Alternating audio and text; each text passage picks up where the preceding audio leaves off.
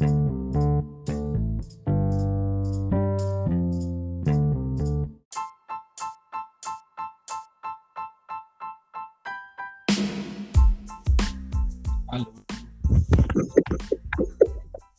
Halo, malam.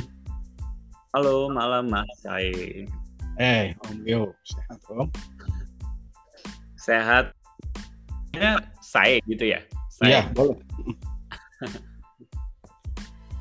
Eh, baru selesai ngajar rupanya. Iya, tadi ada ngajar, terus eh, barusan ditelepon nama apa namanya ada ada ketua yayasan salah satu kampus sih buat eh, ya ada program lah, Mas. Jadi udah udah mulai ya, udah mulai ngajar lagi ya. Udah, udah. Aku baru tanggal 4 ini mau mulai Oh, di, di mana sih, Mas? Ngajar di mana? di Budi Luhur. Oh, di BL. Aku kan Hmm. itu ya S2 dulu sama ya banyak lah temen. Iya, iya, iya. Oke, oke. Ya, eh aku panggil nama atau panggil Om, panggil Mas gimana ini? Apa aja. Oh, iya. Kalau aku pasti panggil Mas. Boleh boleh panggil nama juga ke aku. Oke. Iya. eh, pertama selamat ya Geo kemarin sudah selesai ya S3-nya sekarang doktor. Sebuah Iya. pencapaian yang se- tidak semua orang bisa, tapi bukan berarti semua orang tidak Anda sudah membuktikannya. Iya. Dan eh, Anda mempunyai perhatian khusus soal dunia milenial ini rupanya dan menarik seperti tadi kita bincang-bincang sebentar lewat chat. Mm. Sebetulnya kayak apa sih dunia milenial? Hmm. Jadi kalau aku eh, mengartikannya Mas ya, jadi kayak eh, menurutku pribadi in Mhm. terms kita bicara umur gitu ya. Kalau umur kita udah tahu ya pasti kelahiran 80 sampai eh, 2000 sekian SRTI itu milenial gitu ya. Tapi Oke. sebenarnya eh, aku juga menganggap untuk saat ini tuh mil- millennials ini juga identity gitu ya. Jadi kayak eh, semua orang yang tidak di umur tersebut kalau punya karakter-karakter eh, millennials gitu ya. Jadi dia Hmm. dibilangnya eh, identitas milenial gitu. Menurut aku kajian soal mil- millennials ini memang apa namanya ya menarik sih Mas ya. Jadi kayak bisa dibawa ke memang eh, secara apa namanya secara umur bisa dibawa juga secara eh, karakter atau idealisme gitu. Jadi not not just about uh, biological, uh, tapi itu juga bisa secara kul- kultural gitu ya. Betul betul. Oke. Dari dari sisi mungkin dari sisi kultural ya, dari sisi perilaku, uh, identity yang anda sampaikan ini lebih menarik kita ungkap. Bagaimana anda melihatnya soal karakter milenial ini? Kalau eh, ini ya kalau kita bicara soal karakter gitu ya. Jadi eh, yang pasti selalu bicara tren ya kalau Hmm. milenial ini pasti eh, core utamanya itu tren, kemudian eh, taste ya selera, kemudian Hmm. juga eh, skill.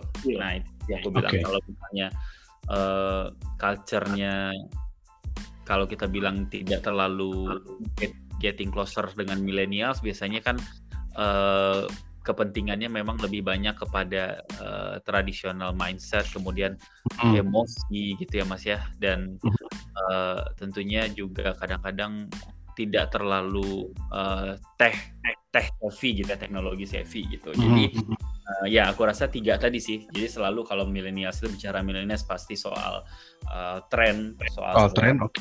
Mm. Terus tadi setelah tren apa? selera Selera, oke. Satu lagi satu lagi skill skill. Jadi sahabat Zainal Abdi, uh, menurut Dr. Geo Fakta Razali, uh, kalau kita bicara milenial, kita bisa melihat dari sisi tren, bisa melihat dari sisi skill, dan satu lagi tadi, sorry, apa? Aduh, aku lupa. Sisi apa? selera, selera. Mm. Selera ya. Dan uh, tentu menarik untuk untuk apa berbicara soal bagaimana sih milenial dilihat dari dunia yang bukan milenial.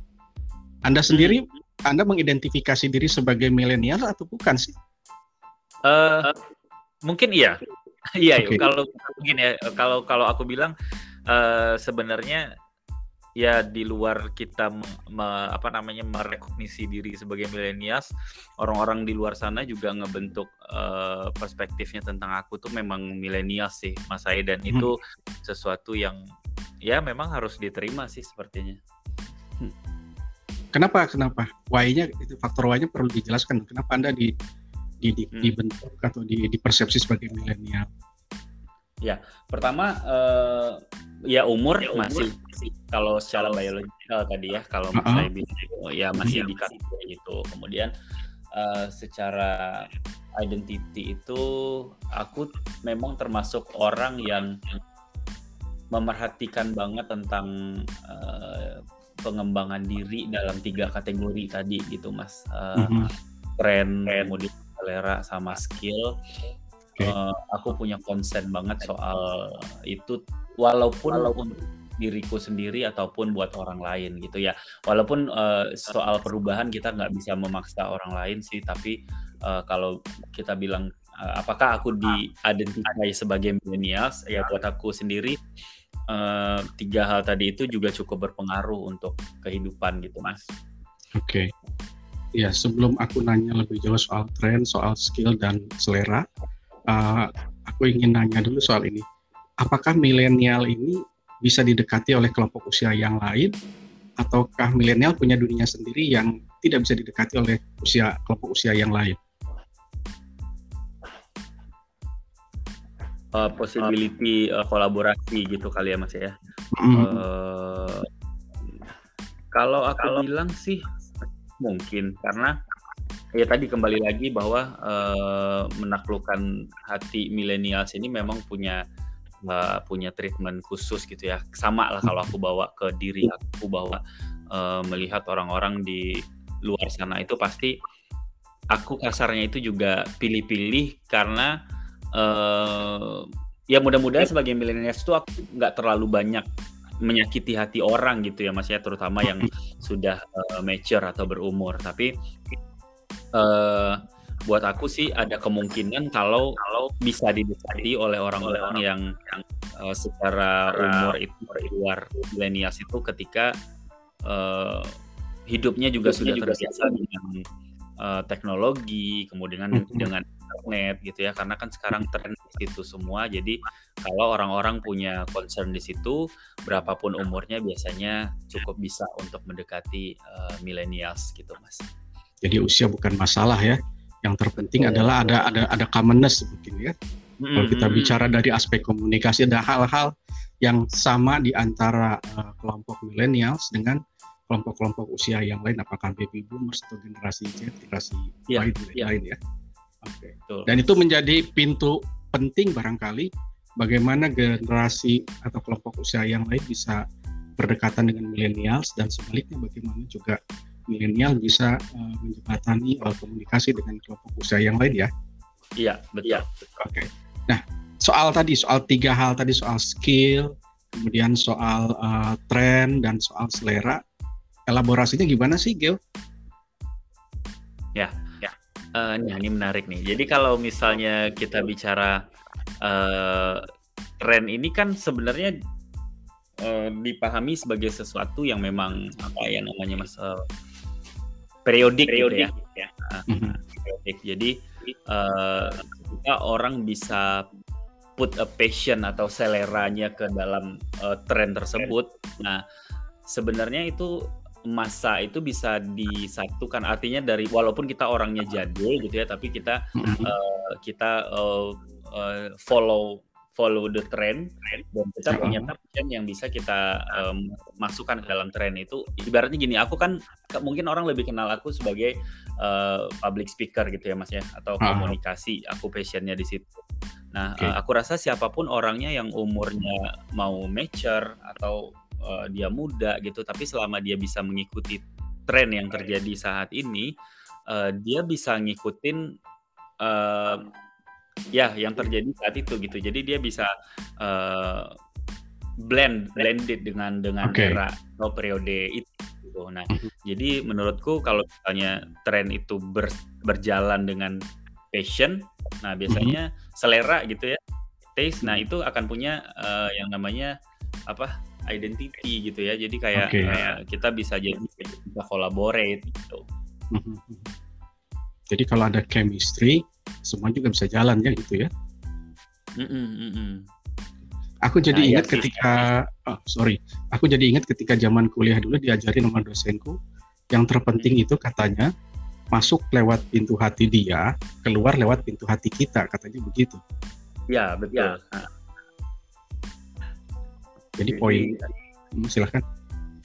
Nah, jadi nah, kalau misalnya bicara uh, milenials ini kan apa ya, moba energinya gitu mas energinya memang hmm. berbeda gitu ya karena uh, orang-orang ini yang mau tidak mau kita lihat uh, akan akan berkompetisi di uh, di saat ini di race ini gitu ya dan hmm. kita gimana bisa memanfaatkan mereka sebagai salah satu affiliate dari mereka gitu. Karena kita lihat juga bahwa banyak sekarang orang-orang even itu kita bicara politik gitu ya orang-orang mulai mencari tokoh-tokoh yang bisa menyentuh di milenials karena uh, gimana nantinya kebijakan itu bisa juga menyentuh hati milenials gitu. Aku rasa jadi memang uh, luar biasa kalau ini.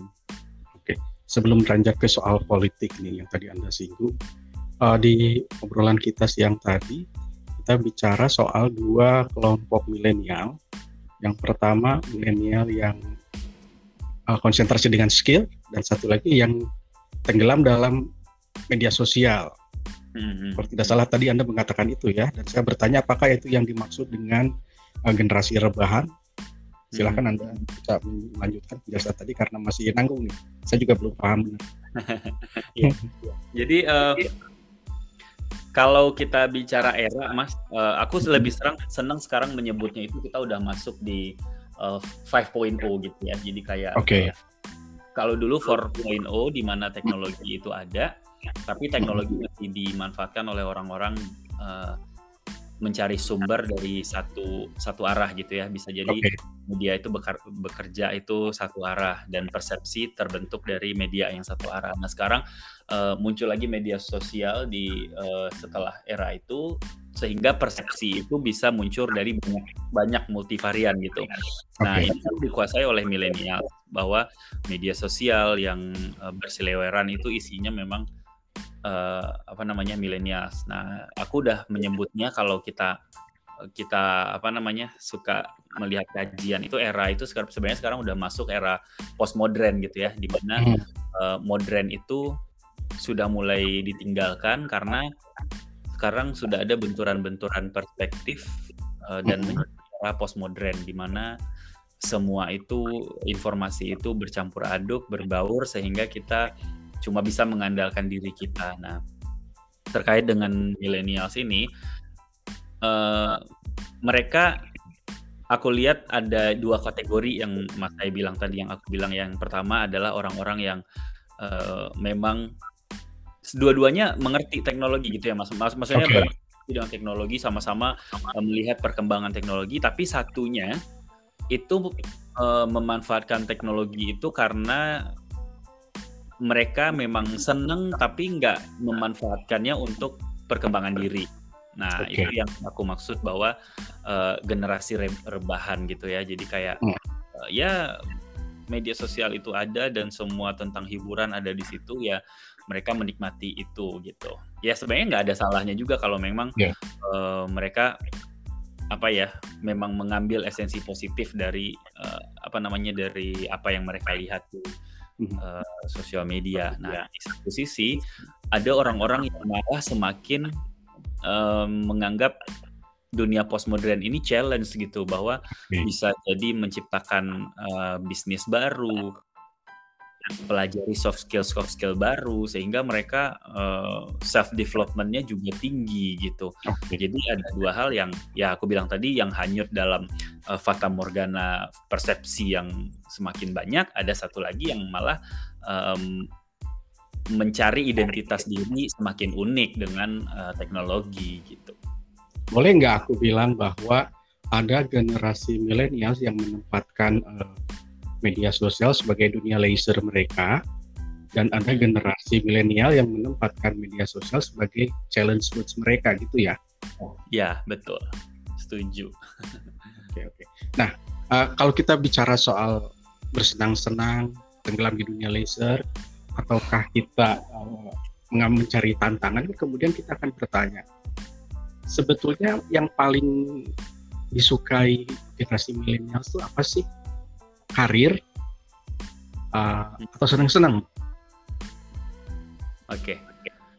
oke, okay, menarik nih. Nah jadi kayak uh, apa ya? Sebenarnya memang apa yang dicari milenial uh, ter terlihat dari uh, perkembangan generasinya. Kalau aku lihat secara uh, yang mereka cari memang karir sih mas karir ini kalau bahasa keren aku pilih ini orang bilang yang self employee gitu ya. Ya ya mereka ya mereka um, kategorikan bahwa bahwa ya sendiri itu juga karir, karir. gitu membuat perusahaan itu juga karir gitu. jadi uh, apa ya? Apa ya? Urban, urban gitu ya urban gitu ya, banget urban. gitu. kayak -hmm. apa yang mereka cari itu memang selalu tentang gua gua itu posisi yang perlu direkognisasi oleh orang. Nah kalau orang-orang dulu kan enggak kan kalau uh, aku nggak bilang orang dulu, jadi mungkin kalau generasi sebelumnya itu ya lebih kepada kalau sesuatu itu udah tercapai, tinggal gimana stabilnya, kemudian tinggal gimana nyamannya, sehingga hidup itu uh, ya sudah di titik yang comfort zone gitu. Nah, kalau Mapan gitu. Ya betul. Nah kalau milenial sekarang kan uh, aku rasa bukan mapan lagi uh, yang hmm. mereka mau, tapi memang mereka ingin dikenal atau direkognisi oleh semua hmm. orang itu dengan uh, keunikan khusus gitu, dengan identity khusus gitu. Ya Rekod. kalau kita lihat berlomba-lomba mereka menjadi apa ya, influencer, jadi selebgram, jadi uh, ya apa pun ya, itu yang bisa dikenal oleh orang gitu. Rekognisi ini sebuah uh, ultimate goal ataukah masih belum ultimate goal? Ada tujuan lain lagi nggak setelah uh, rekognisi? Ya pasti ya. ada, uh, pasti ada. Uh, kalau aku lihat sih kebutuhannya ketika direkognisi itu ya pasti tentang tadi mas tentang aktualisasi diri ya. Kalau udah direkognis oleh orang, uh, mereka berharap, berharap mereka punya masa gitu karena mereka bisa aktualisasi diri, punya community base kemudian punya ibaratnya kalau dalam tingkat lanjutan punya fans gitu ya. Okay. punya uh, penggemar ya itulah yang saya rasa mereka cari pada. Uh, ya mungkin mungkin juga suatu saat itu bisa jadi menciptakan satu komunitas yang mensupport mereka dalam apa ya dalam apa pun tujuan mereka dalam hidup. Mau jadi nantinya uh, berkarir mau malah mereka tadi ke politik mereka udah punya masa gitu mas Nah, itu jadi pertanyaannya kemudian karena Anda ngomong politik lagi. Sebetulnya milenial ini lebih senang jadi uh, pengusaha atau menjadi politician? Paling tidak sampai saat inilah yang Anda tahu. Trennya gimana sih? Hmm. Memang ada ada apa ya? Ada ada cara ada perspektif ketika mereka uh, menjangkau apa mau jadi entrepreneur atau mau jadi uh, politik ini uh, masih mengikut kepada itu ya mas ya kepada apa namanya kalau kita bilang dalam teori komunikasi itu ada kekuasaan ya. Uh, ketika nantinya yang kita uh, bahas tadi aktualisasi diri itu tercapai uh, bukan bukan tidak mungkin uh, selanjutnya akan mencari posisi bagaimana bisa mengkontrol orang lain melalui uh, politik gitu ya. Okay. Apalagi mereka melihat bahwa banyak tokoh-tokoh sekarang yang cukup muda di luar bahkan di Indonesia juga gitu ya yang yang sudah mulai memimpin di usia muda gitu. Jadi uh, kalau dulu kita bilang bahwa politik itu bisa dikuasai oleh orang-orang yang punya duit gitu. Kalau saya rasa sekarang millennials bisa menguasai politik itu dengan prestasi gitu mas. Oke, jadi kalau kita buat tahapannya setelah uh, rekognisi, mereka bisa beranjak ke power power gain ya. ya. Aktualisan yang bisa diperoleh apakah itu power gain dalam bentuk bisnis ataukah dalam uh, bidang politik, kan itu ya. Oke. Nah, uh, Anda sendiri sejauh ini lebih cenderung uh, me mengingatkan milenial untuk mengejar yang mana dulu? Apakah uh, fanbase yang sifatnya untuk uh, bisnis uh, menjadi wirausaha ataukah hmm. sempatkah anda me me me me mengingatkan milenial untuk juga belajar untuk siap-siap terjun ke politik? Hmm, oke. Okay. Hmm, okay. Kalau buat aku sendiri uh, ter, terbiasa untuk mengingatkan mereka itu untuk mengejar expertise mas. Jadi okay. uh, eh, bagaimana keunikan-keunikan, kemudian apa yang mereka uh, inginkan dalam hidup, hidup uh, yang tadi aku bilang passion ya, kemudian uh, mereka punya yang namanya analisa terhadap tren gitu ya, dan akhirnya itu membawa mereka di titik uh, mereka tahu apa yang mereka mau sebagai expert gitu. Karena menurut aku mau jadi apa pun itu sekarang luar biasa. Mau jadi seniman mau jadi dosen mau jadi pengusaha mau jadi poli ya jika kita taruh concern kita terhadap uh, keinginan kita untuk menjadi seorang expert mereka bisa berbagi ke orang lain uh, mana tahu orang lain juga suka bidang itu gitu sih mas. Dan sekarang mapping lebih mudah ya betul dengan dengan adanya teknologi gitu. Semakin seseorang teknologi savvy tentu akan semakin mudah dia membuat pemetaan eh, dirinya akan menjadi apa kan begitu ya. Iya, di zaman iya. di zaman saya beda. saya kan bukan milenial. di zaman saya itu kan kita bicaranya yang yang relatif tinggi itu bicara spesialisasi subjek. Hampir mirip lah. Hmm. Kita menciptakan apa sih yang kita clear untuk hal-hal yang unik. Tetapi di era saya bukan rekognisi yang dicari, tapi ekspektasi kan begitu. Semakin kita uh, mampu di satu subjek ya kita semakin percaya diri gitu. Belum berpikir sih waktu itu bahwa rekognisi itu penting. Iya iya betul. Nah kalau di zaman sekarang rekognisi menjadi salah satu goal ya untuk milenial ya yang harus iya, dikejar. Uh, uh, betul mas Sai karena uh, platformnya ada mas jadi kalau -huh. aku mengacu ke mas Sai tadi uh, ya mungkin ada keinginan orang untuk direkognisi tapi orang butuh effort yang cukup kuat untuk uh, untuk bisa dekat mungkin ya dengan media gitu ya okay. atau dengan siapa yang biasa yang bisa membantu mereka untuk uh, aktualisasi diri. Kalau sekarang uh, mereka itu menarik apa namanya menarik perhatian itu memang dengan konten gitu ya. Jadi kayak platformnya ada ya tinggal aku itu mau ke arah mana dan konsisten di situ ya pasti udah bisa dikenal orang gitu. Ya in terms kita bicara itu nanti mereka akan bikin konten baik atau buruk gitu. Mas yang, yang mereka kejar pasti adalah rekognisi tadi. Nah kalau kita bicara platform berarti kita kan bicara soal perkembangan teknologi. Mm-hmm. milenial sekarang punya nggak sih kemampuan untuk adaptif atau menghadapi situasi situasi disruptif jika tiba-tiba teknologi mengalami lompatan karena saya percaya pasti setiap masa ada yang disebut uh, lompatan teknologi. Hmm, hmm, hmm. Milenial ya, Indonesia ya. punya nggak kemampuan itu ataukah sampai saat ini masih hanya pengguna teknologi? Punya mas. Punya, Jadi mas. Ini kalau menurut aku uh, yang tadi uh, kedalaman mereka untuk menggali teknologi itu dan mereka manfaatkan dengan baik itu yang saya ragukan. Tapi uh, melihat kemampuan belanja orang Indonesia itu sangat tinggi dan sangat kepo dengan teknologi-teknologi baru, kesempatan itu ada. Jadi uh, kalau misalnya tentang lompatan teknologi tadi Mas, nggak ada rasanya orang di Indonesia ini yang nggak tahu keluaran produk terbaru apa, kemudian uh, speknya apa gitu ya, kemudian keunggulannya hmm. apa. Semua orang itu sangat apa ya sangat sudah sangat inform ya Iya, sudah sangat terinformasi tentang oh tiba-tiba produk ini muncul baru dengan uh, kita bicara handphone misalnya kamera tiga, kemudian ini itu orangnya udah tahu semua. Cuman ya orang-orang kan akhirnya beli itu karena memang uh, kalau kita bilang apa ya Mas ya?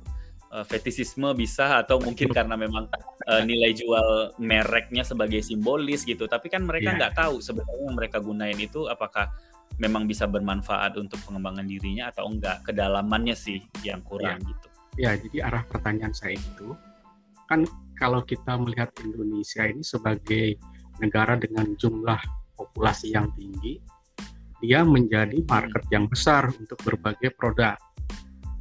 Nah, betul. Yang yang menjadi pertanyaan dalam konteks milenial ini, apakah milenial kita hanya akan akhirnya hanya akan menjadi market ataukah menjadi produser? Apakah hanya menjadi user ataukah hmm. orang yang memproduksi uh, tools atau uh, piranti teknologis ke depan? Kan ini menjadi penting juga. Ya, kalau yang uh, tadi kembali lagi Mas, mungkin kalau misalnya kita bicara yang generasi uh, rebahan tadi, pasti akan jadi orang-orang yang konsumtif. Tapi kita okay. bisa melihat kenyataannya bahwa begitu banyak uh, startup yang didirikan oleh orang-orang muda yang uh, kreatif dan berani ngambil resiko. Jadi kedua kemungkinan itu mungkin banget sih, Mas. Apakah hanya startup yang bisa membuat uh, milenial ini maju. Mungkin nggak hmm. selain selain startup, misalnya uh, milenial masuk di institusi-institusi yang sudah old fashion gitu, yang sudah ada, tidak membuat baru yang bukan rintisan gitu. Hmm. Bisa jadi Bisa sih mas jadi ya. Sih, mas. Uh, ini agak agak agak apa ya agak tricky ya kalau misalnya okay.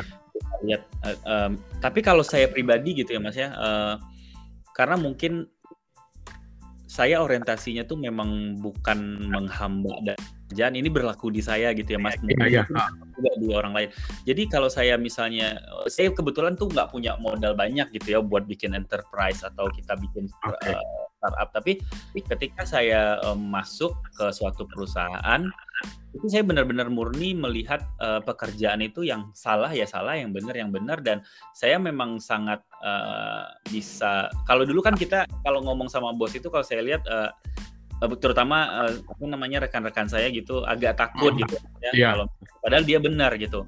Nah tapi yeah.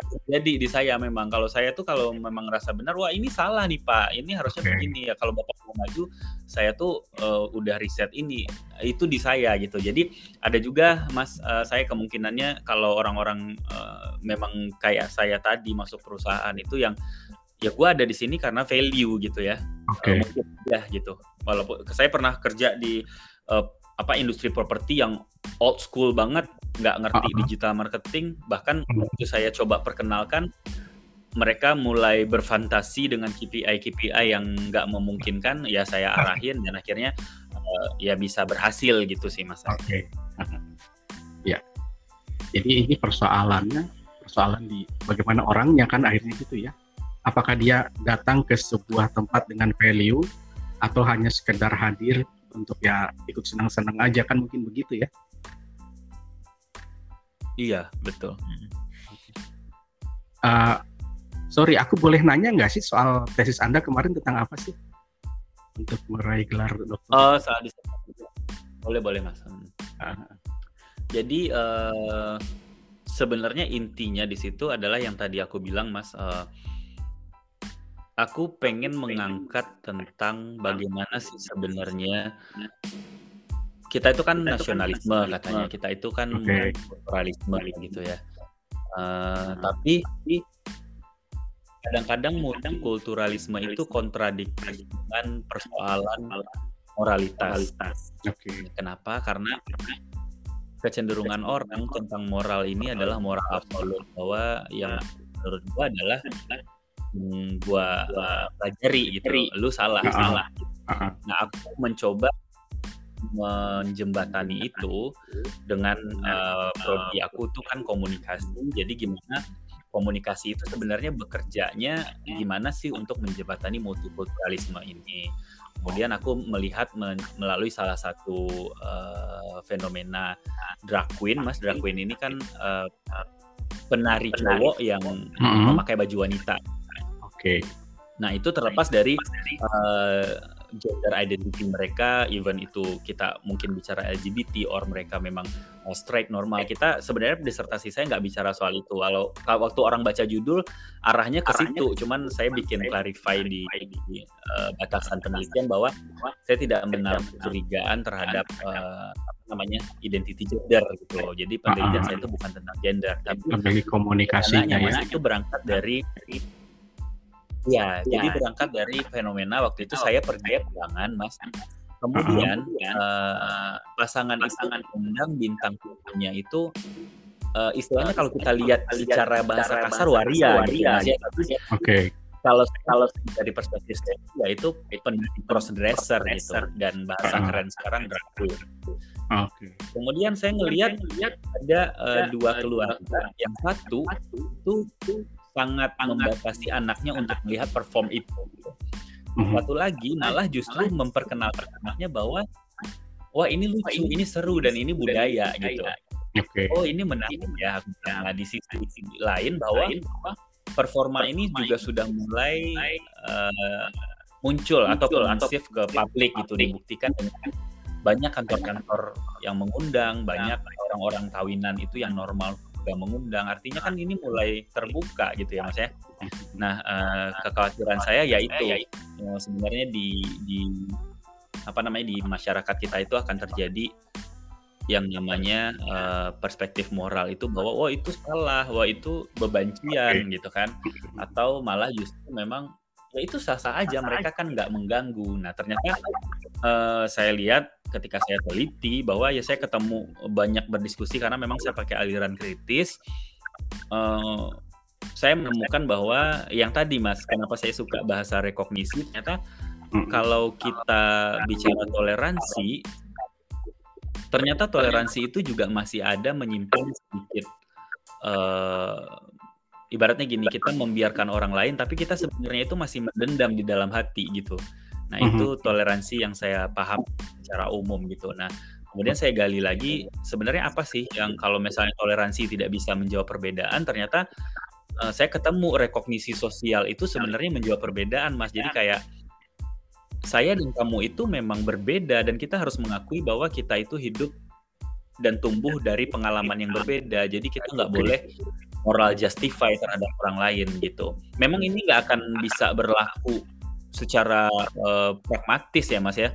Uh, tapi memang aku lihat kalau kita minimal untuk mengembangkan diri kita menjadi pribadi lebih baik ya kita harus menerima konsekuensi perbedaan itu ada dan kita harus pelihara gitu sih mas. Jadi okay. komunikasinya di situ uh, adalah adalah rekognisi atau uh, mengakui keberadaan orang lain itu merupakan salah satu kompetensi komunikasi, Mas, untuk uh, berhadapan dengan masyarakat multikultural gitu.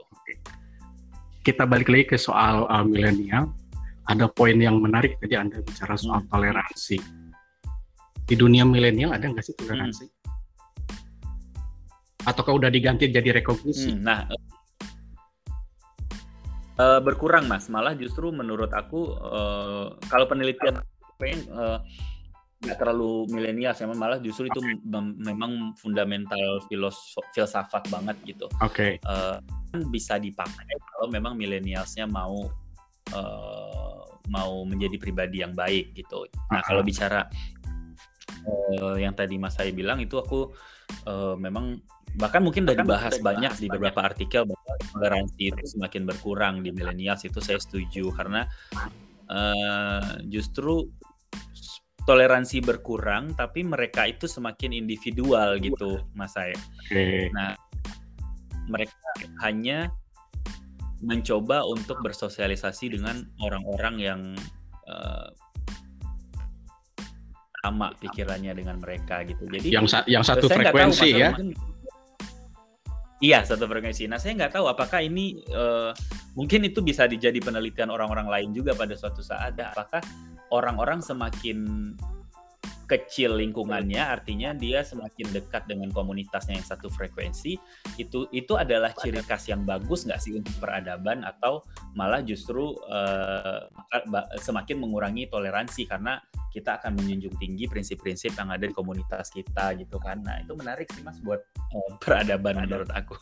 Ya menarik sekali dan ini bisa menjadi tantangan buat peneliti yang lain ya Gil. Oke. Okay. uh, pembicaraan pembicaraan kita juga menarik saya inginnya ngobrol terus, tapi kan Anda juga harus pulang ini masih di kampus kayaknya. Enggak, enggak udah di rumah udah Mas tadi kan. Oh, udah di rumah ya. Oke, okay, oke. Okay.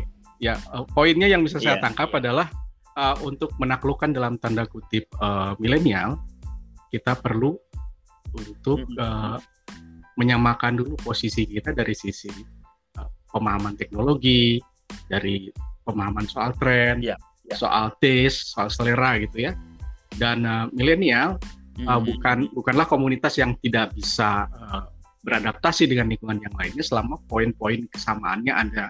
Meskipun di sisi lain Tenda mengatakan bahwa ya, ya. Uh, milenial juga cenderung men, uh, berkurang toleransinya karena mereka kan mengejarnya rekognisi, gitu ya?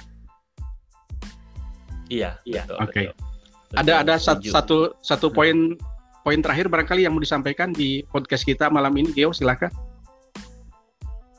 Boleh Mas Boleh, Mas uh, jadi buat teman-teman yang mendengarkan podcast uh, keren banget menurut saya ya. Akse juga harus bikin. iya bikin dong. Kita Jadi uh, dunia Iya biar kolaps lagi ya mas ya. Ya ya kolaps lagi nanti kita. Jadi uh, hmm, teman-teman era sekarang sudah bukan era revolusi industri lagi. Saya menyebutnya adalah era perspektif ya. Jadi uh, di mana karakter itu semakin terlihat semakin berbeda, semakin berkembang. Jadi uh, bagaimana kita mengukur diri kita untuk uh, menumbuhkan rekognisi tadi, tapi tetap dalam koridor berbuat baik terhadap uh, sesama manusia. Artinya uh, jangan uh, misalnya terinfluence dari uh, salah satu idola, tapi malah menerapkannya dalam kehidupan uh, dalam cara yang salah. Menurut saya memang butuh uh, sinergi antara pengetahuan dan uh, perkembangan zaman. Itu sih mas saya. Oke, okay. makasih Geo, sahabat Senem Abdi. Itu tadi percakapan saya dengan Geo Fakta Razali, sebuah percakapan yang sangat bergizi bagi saya karena saya jadi bisa lebih melihat dunia milenial seperti apa.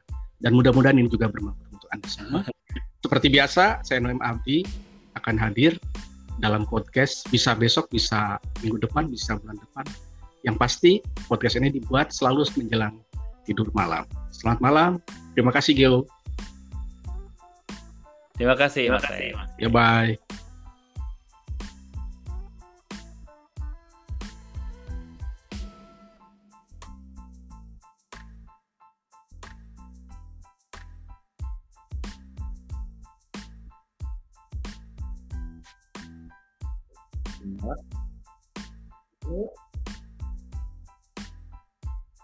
には見てほですね。